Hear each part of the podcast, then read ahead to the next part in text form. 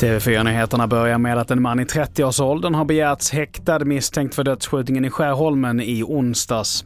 Ytterligare en man är misstänkt men försatt på fri fot. Häktningsförhandlingarna kommer att ske under morgondagen i Södertörns tingsrätt. Och vi fortsätter med att allt fler kommuner i Sverige håller på att införa språktester i samband med att de anställer personal till äldreomsorgen. Men medan förespråkarna menar på att kvaliteten på vården blir bättre så säger kritikerna att det kan skapa ytterligare hinder för de som är utrikesfödda. Man försöker liksom ta en genväg tänker jag genom att införa språktest. Det blir en tröskel, ännu en tröskel för, eh, för de som redan har många trösklar, alltså de som har ett annat språk. Och i inslaget här så hörde vi Andreas Antelid som är ordförande för Vänsterpartiet i Kungälv.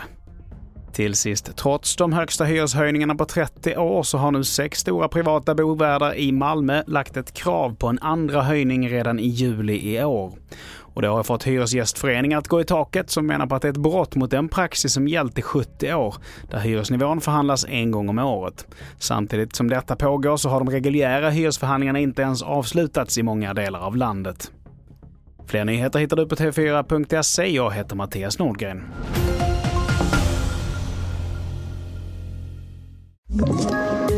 Poddtips från Podplay.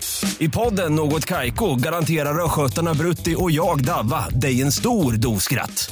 Där följer jag pladask för köttätandet igen. Man är lite som en jävla vampyr. Man har fått lite blodsmak och då måste man ha mer.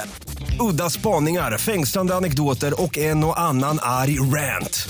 Jag måste ha mitt kaffe på morgonen för annars är jag ingen trevlig människa. Då är du ingen trevlig människa, punkt. Något Kaiko, hör du på Podplay. Därför är gardinerna.